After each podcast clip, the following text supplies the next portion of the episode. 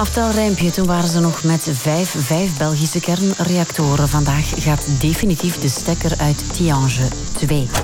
Hoe zet je een kernreactor uit? We gaan werken voor ons geld. Ja, heb je Romery al gezien van januari? Moet je een gat in de lucht springen als je deze maand 11% meer hebt verdiend?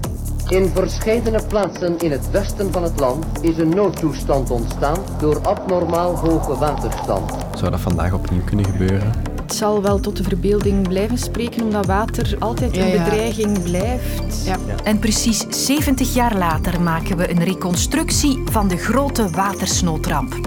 Over een kwartier ben je weer wijzer. Ik ben Sophie van der Donkt. Daar gaan we.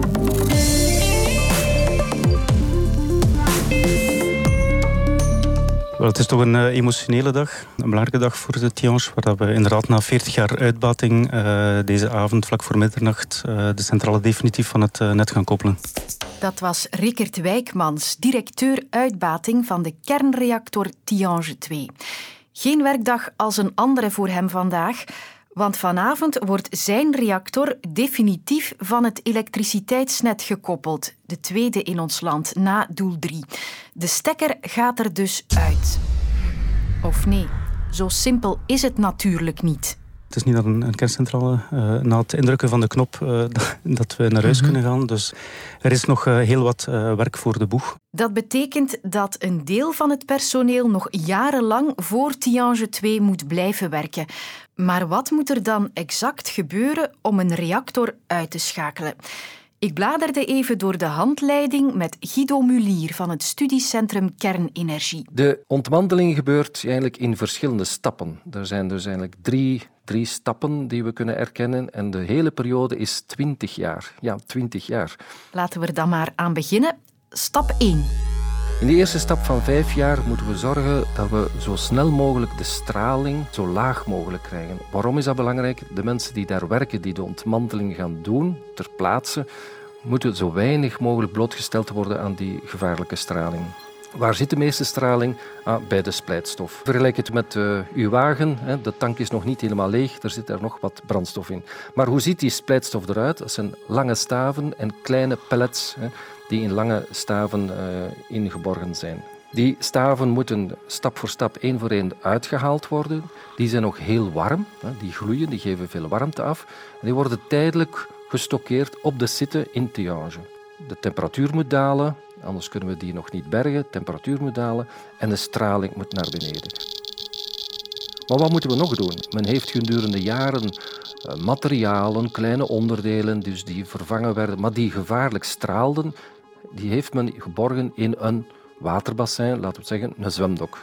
Die moeten eh, daaruit gehaald worden, omdat die te veel straling geven en ook eh, gemeten worden, ontmanteld worden en ook veilig opgeborgen worden. Dat is het tweede, hè, na de splijtstof. Dus de zwemdokken leegmaken. En dan een derde is de volledige installatie. Dus alle leidingen, pompen, een keer laten doorlopen met een chemische reiniging. Laten we zeggen, we jagen er een keer Javel door. Hè, een paar keren zodanig dat we zoveel mogelijk straling hè, die daar in die installatie zit, wegnemen. Stap 2.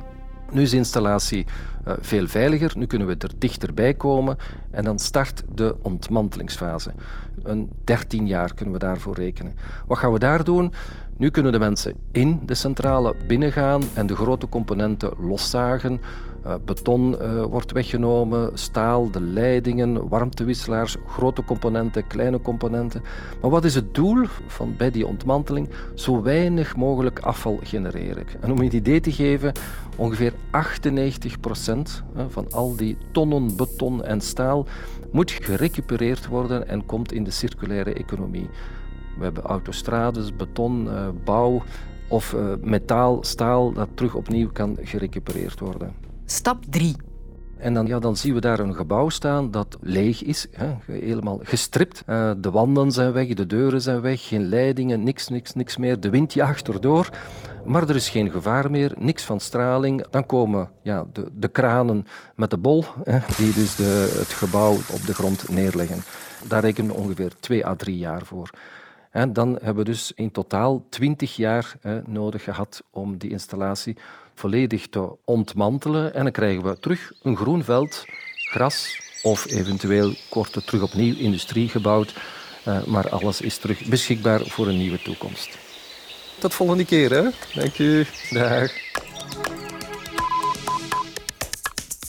Eind van de maand het moment om te kijken wat jouw baas op je rekening gestort heeft. En misschien heb je er wel in één smak 11% bruto bijgekregen in januari door een jaarlijkse aanpassing aan de levensduurte. Werk je in een callcenter? Goedemiddag, verzekeringsmaatschappij. De bouw? Of de horeca? En wil je kunnen kiezen? Ja. Dan ben je erbij. Maar er zijn nog sectoren goed voor 1 miljoen werknemers. Of die 11% nu reden is voor een vreugdesprong, dat ben ik gaan vragen aan Michael van Drogenbroek. Loonbrief al gezien van januari?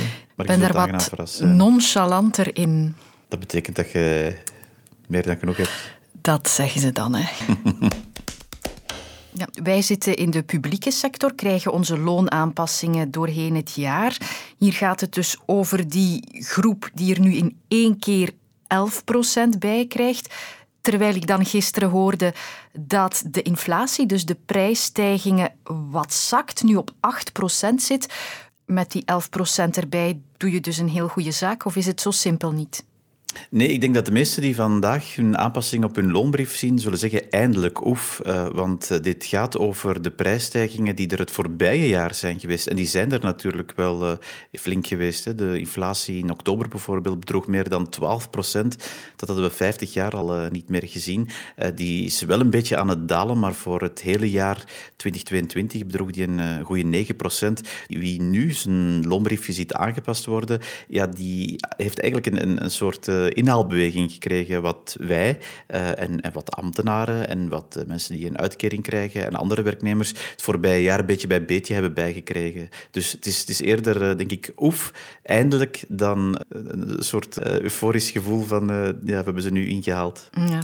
Of het nu in één keer gaat in januari of in verschillende stapjes. België werkt met een automatische loonindexering. Dat is een systeem dat ze in weinig andere landen kennen. Hè? Ja, als ik het goed voor heb, zijn er nog eh, twee andere landen die een soortgelijk systeem hebben. Dat is Luxemburg en Malta. Maar daarmee is het ook gezegd, eh, we zijn eh, met die twee landen samen dan de enige landen die automatisch hun lonen koppelen aan die stijgende levensduurte, aan die inflatie die zo hoog is. In andere landen moeten werknemers en werkgevers daar samen akkoord over geraken. En natuurlijk lopen die onderhandelingen, maar het is geen automatisme zoals dat, dat bij ons is. Op dat vlak zijn we echt wel een uitzondering. Het zal ook niet zo evident zijn in sommige sectoren om dat extra loon te betalen in deze moeilijke tijden. Nee, dat is zo. Eh, ik hoor de, de, de horecasector eh, zeggen van ja, per tien werknemers moeten wij nu een extra werknemer betalen vanaf deze maand, maar we hebben hem niet in dienst, want daar komt dan ongeveer op neer. Maar ja, het, het stelt de werknemers eh, in staat om hun, dus hun koopkracht te vrijwaren. De werkgevers zien ongetwijfeld liever een ander systeem, maar de politiek ja, zal misschien niet zo snel durven te raken aan die automatische loonindexering. Op eh, korte termijn ben ik daar zeer zeker van. Vooral omdat het uh, over een dik jaar verkiezingen zijn. En we zitten nog altijd met een torenhoge inflatie. Dus ik denk niet dat een politieke partij zich op dit moment geroepen voelt om die automatische koppeling van die lonen aan de index, om die in vraag te stellen. Wat we natuurlijk wel al gezien hebben in het niet zo lange verleden, in de regering eh, Michel, is die indexsprong, waar één keer zo'n aanpassing wordt overgeslagen. Maar ik denk dat in deze tijden van die hoge inflatie politiek toch ook uh, ja, niet meteen op de tafel zal liggen. En zou dat nu waarschijnlijk zijn dat we in januari volgend jaar nog eens zo'n sprong van 11 procent hebben? Het zal meer dan waarschijnlijk niet meer uh, de 11% zijn van vandaag. En eigenlijk, Sophie, moeten we daar uh, blij mee zijn, want dat betekent ook dat die inflatie dat die dan echt uh, duurzaam en, en, echt wel significant zakt. Om gezond te zijn en goed te zijn, moet die echt nog veel lager, moet die naar 2% of zelfs minder. Het was gisteren 8%. dus op dat vlak kan dat nog wel wat marge zijn. Ja, nog een weg af te leggen en ik zal dan maar eens naar mijn loonbrief kijken hè, straks. Weet het me te vertellen? Wel, als jij vertelt wat jij verdient, dan uh, doe ik het omgekeerd ook. Ja, we gaan het bij de koffiemachine doen. Ja. Op onze briefing van morgen kwam een oud album van Suske en Wiske naar boven. En dat maakte vooral bij collega Katrien Boon herinneringen los. Ah, kijk. Dat was hem, hè? Ja, dat is hem. Het Delta-duel. Ik heb die als kind gelezen. Voilà, hier, kijk. Dit was mijn eerste kennismaking met dat heette toen de februariramp of de Sint-Ignatiusvloed. Die fotootjes, allez, die tekeningen van Willy van der Steen, heeft hij dus echt afgetekend van foto's van toen van de ramp. De watersnoodramp van 1953 in Zeeland. Deze week precies 70 jaar geleden en bij veel mensen zit dat misschien al ver weg. Maar Katrien is er sinds dat ene stripverhaal altijd door gefascineerd gebleven. Katrien. Hey Sophie. Ja, ik ga je eerst even laten meeluisteren uh, naar de radio. Bericht van de stormvloedwaarschuwingsdienst. We zijn 31 januari 1953, late namiddag. Dus mm -hmm. eigenlijk dit moment van de dag, maar dan 70 jaar geleden. En dat is het moment waarop er lichte zenuwachtigheid begint te ontstaan bij het Nederlandse KNMI. Boven het noordelijke en westelijke deel van de Noordzee woedt een zware storm tussen noordwest en noord. Het stormveld breidt zich verder over het zuidelijke en oostelijke deel van de Noordzee uit. Dus ja, verrast waren ze niet, toch niet totaal verrast? Er was dus wel degelijk gewaarschuwd voor ja, die ramp. dat klopt. Die storm die was ook op dit moment al hevig aan het huishouden boven Schotland. Dat kwam door een combinatie van twee dingen. Je had een heel hevige noordwestenwind en een springvloed. Maar de ernst van de situatie die drong op dat moment nog niet echt door bij de bevolking van uh, Zuidwest-Nederland. Ik heb een ooggetuigenverslag gelezen van die avond waarin ik bijvoorbeeld dit lees. Het was prachtig, prachtig. We hebben daar echt staan genieten van de geweldige kracht van de natuur. Dus toen was het nog een storm als een andere. Maar later die avond, dan beginnen veel mensen wel te beseffen: dit klopt niet. Om half elf s'avonds had het app moeten worden en dat werd het niet. De zee is uh, blijven stijgen. En dat was het moment waarop het menens werd, hoor je in de vele verhalen van wie het meegemaakt heeft. Het water stond over de randen heen. En toen dachten we, hé, hey, er is iets bijzonders aan de hand. En toen even later hoorden we van mijn vader... jongens, de dijk is doorgebroken, wegwezen. En met z'n allen zijn we toen naar boven gegaan. Zijn dus echt nog overlevenden van die ramp in 53, dus daar is wel veel materiaal van. Ja, die ramp is eigenlijk heel goed gedocumenteerd. Het was het begin van de televisie, dus er zijn reportages, maar er is ook later veel moeite gedaan, onder meer door het Watersnoodmuseum in Zeeland, om de verhalen van al die overlevenden, om die vast te leggen en om die uh, te bewaren. Ik ga je bijvoorbeeld een filmpje laten zien van dat museum. We zijn uh, dan al voorbij middernacht, dus het is al 1 februari 1953. En je ziet hier een man, Koos Hagen, die zich dat moment nog glashelder herinnert. Dat is het dorp uh, Stavenisse en daar woonde ik. Ik weet nog dat ik uh, wakker werd gemaakt, om een uur of drie moet dat geweest zijn. En ik begreep er niks van. Hij zegt daar op een bepaald moment drie uur, drie uur s'nachts. Is dat dan het ja. moment dat die ramp mm -hmm. zich echt voltrekt? Ja, dat is het moment waarop de dijken beginnen letterlijk te breken en er hele grote stukken land blank komen te staan. Schouwen-Duiveland, Goeree, Overflakkee, ook stukken van Noord-Brabant en zelfs kleine delen van Vlaanderen. In één nacht tijd is er toen 165.000 hectare land in rampgebied mm. veranderd. Nu, stel je wel voor, het is 1953, ja. het is donker, je hebt geen WhatsApp om even te checken hoe het met de buren gaat. De radio die zendt na middernacht niet uit. Je ziet met moeite je eigen ondergelopen erf of weiland.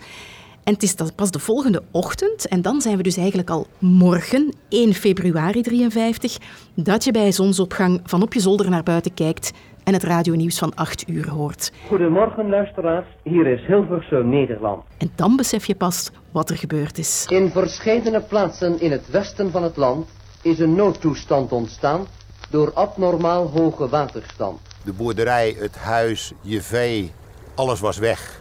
En uh, heel snel kwamen de berichten door dat er nogal wat mensen verdronken waren.